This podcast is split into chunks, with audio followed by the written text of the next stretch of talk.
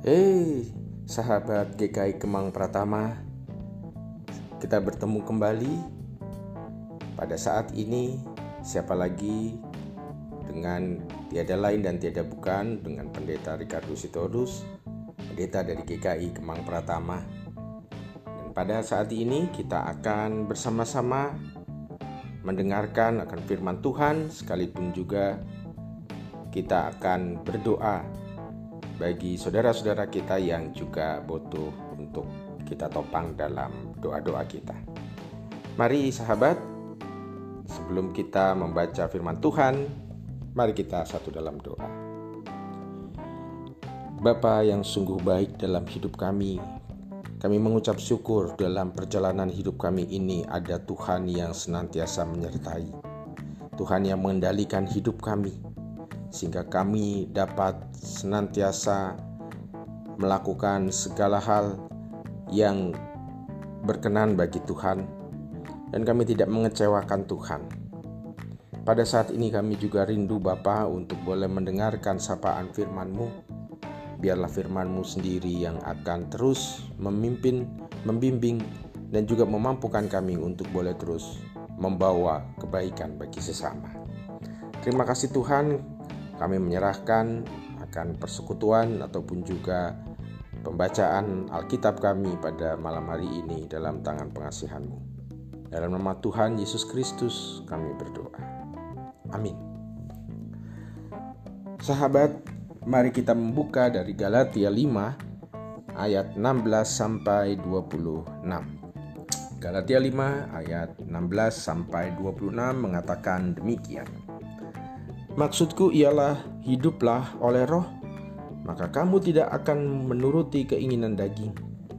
Sebab keinginan daging berlawanan dengan keinginan roh, dan keinginan roh berlawanan dengan keinginan daging, karena keduanya bertentangan, sehingga kamu setiap kali tidak melakukan apa yang kamu kehendaki. Tetapi Jikalau kamu memberi dirimu dipimpin oleh roh, maka kamu tidak hidup di bawah hukum Taurat. Perbuatan daging telah nyata, yaitu percabulan, kecemaran, hawa nafsu, penyembahan berhala, sihir, perseteruan, perselisihan, iri hati, amarah, kepentingan diri sendiri, pencideraan, roh pemecah, kedengkian, kemabukan, pesta pora, dan sebagainya. Terhadap semuanya itu kuperingatkan kamu, seperti yang telah kubuat dahulu, bahwa barang siapa melakukan hal-hal yang demikian, ia tidak akan mendapat bagian dalam kerajaan Allah. Tetapi buah roh ialah kasih, sukacita, damai sejahtera, kesabaran, kemurahan, kebaikan, kesetiaan, kelemah lembutan, penguasaan diri. Tidak ada hukum yang menentang hal-hal itu. Barang siapa menjadi milik Kristus Yesus, ia telah menyalipkan daging dengan segala hawa nafsu dan keinginannya. Jikalau kita hidup oleh roh, baiklah. Hidup kita juga dipimpin oleh roh. Dan janganlah kita gila hormat, janganlah kita saling menentang, dan saling mendengki. Demikianlah firman Tuhan. Sahabat yang dikasih Tuhan, ada sepasang suami istri Humberto dan juga Georgiana. Mereka adalah sepasang suami istri yang sukses di Amerika Serikat. Humberto dan juga Georgiana ini memiliki harta yang sangat berlimpah. Kemudian banyak orang ingin tahu rahasia dari kesuksesan hidup mereka. Ketika ditanya Ternyata resep kesuksesan dari pasangan suami istri ini sangat sederhana sekali, yaitu pengendalian diri. Humberto dan juga istrinya dulu hanya dua orang miskin dari Kuba yang datang ke Amerika Serikat. Mereka kemudian memulai kehidupan rumah tangga dengan mengendalikan emosi mereka di tengah-tengah kemajuan zaman industri. Saat itu, Industri di Amerika Serikat membanjiri banyak produk di pasaran. Produk-produk itu ditawarkan menjanjikan banyak hal bagi para konsumennya. Banyak orang jadi tergiur dan berbagai tawaran. Tetapi Humberto dan Georgiana tidak terpancing untuk memboroskan uang mereka. Mereka hanya memfokuskan diri untuk membeli barang-barang kebutuhan pokok yang memang sangat diperlukan untuk hidup sehari-hari. Mereka mulai menabung dari penghasilan hidup yang mereka sangat kecil itu. Kemudian juga ada begitu banyak godaan yang datang. Malah justru mereka berusaha untuk mengendalikan diri untuk tidak membeli barang itu. Ada juga yang mencemooh, menganggap mereka ketinggalan mode, memandang mereka sebagai keluarga yang pelit. Namun Humberto dan juga Georgiana terus berusaha mengendalikan diri mereka. Kemudian setelah tabungan mereka cukup banyak, mereka pun berinvestasi. Akhirnya pasangan dari latar belakang keluarga miskin ini kemudian menjadi jutawan di Amerika.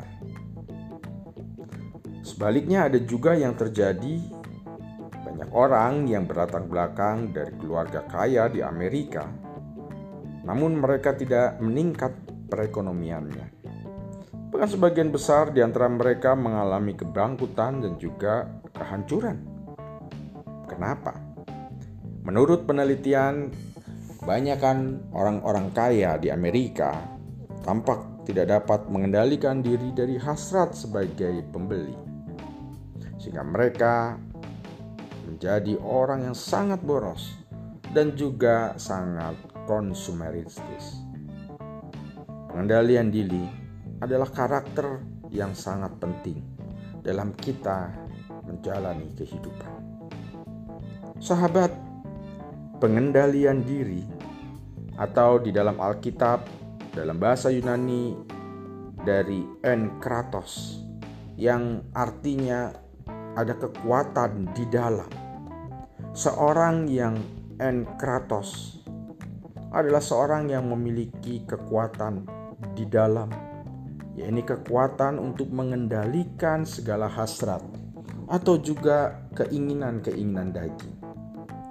Kekuatan inilah yang diperlukan bagi kita untuk menghindari dari perbuatan-perbuatan dosa seperti yang ditunjukkan di dalam bacaan kita Galatia 5 ayat 19 sampai 21.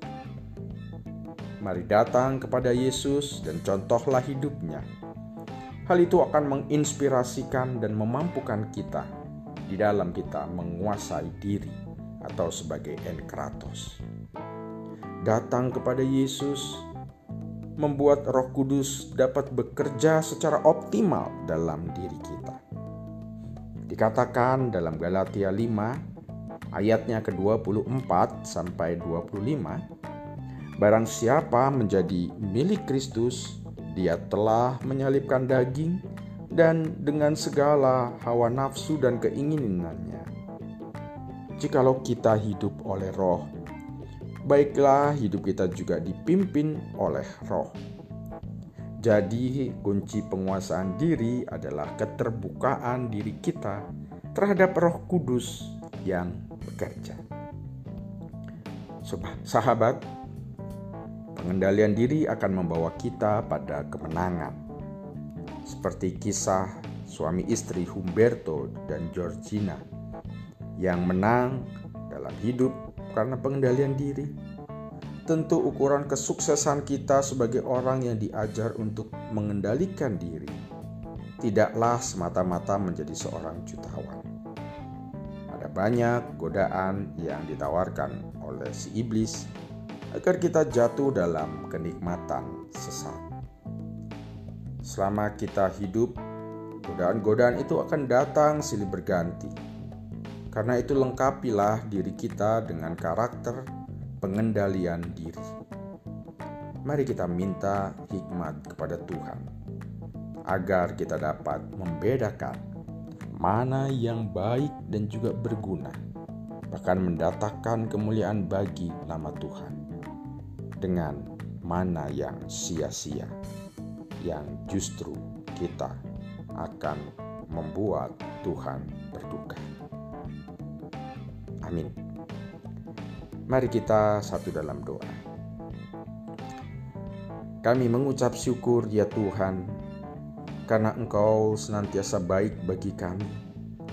Kami memohon kepadamu kiranya Engkau juga akan terus memberikan kepada setiap anggota keluarga di dalam hidup kami masing-masing mampu untuk mengendalikan diri dalam segala hal. Mampukan ya Tuhan untuk kami dapat mengelola, mengolah segala sesuatu yang Tuhan percayakan bagi kami dengan sebaik-baiknya, agar apa yang Tuhan percayakan itu dapat juga memberkati bukan saja kami ya Tuhan, tetapi juga bagi setiap orang yang boleh kami jumpai. Ajarkan kami untuk senantiasa menjadi berkat.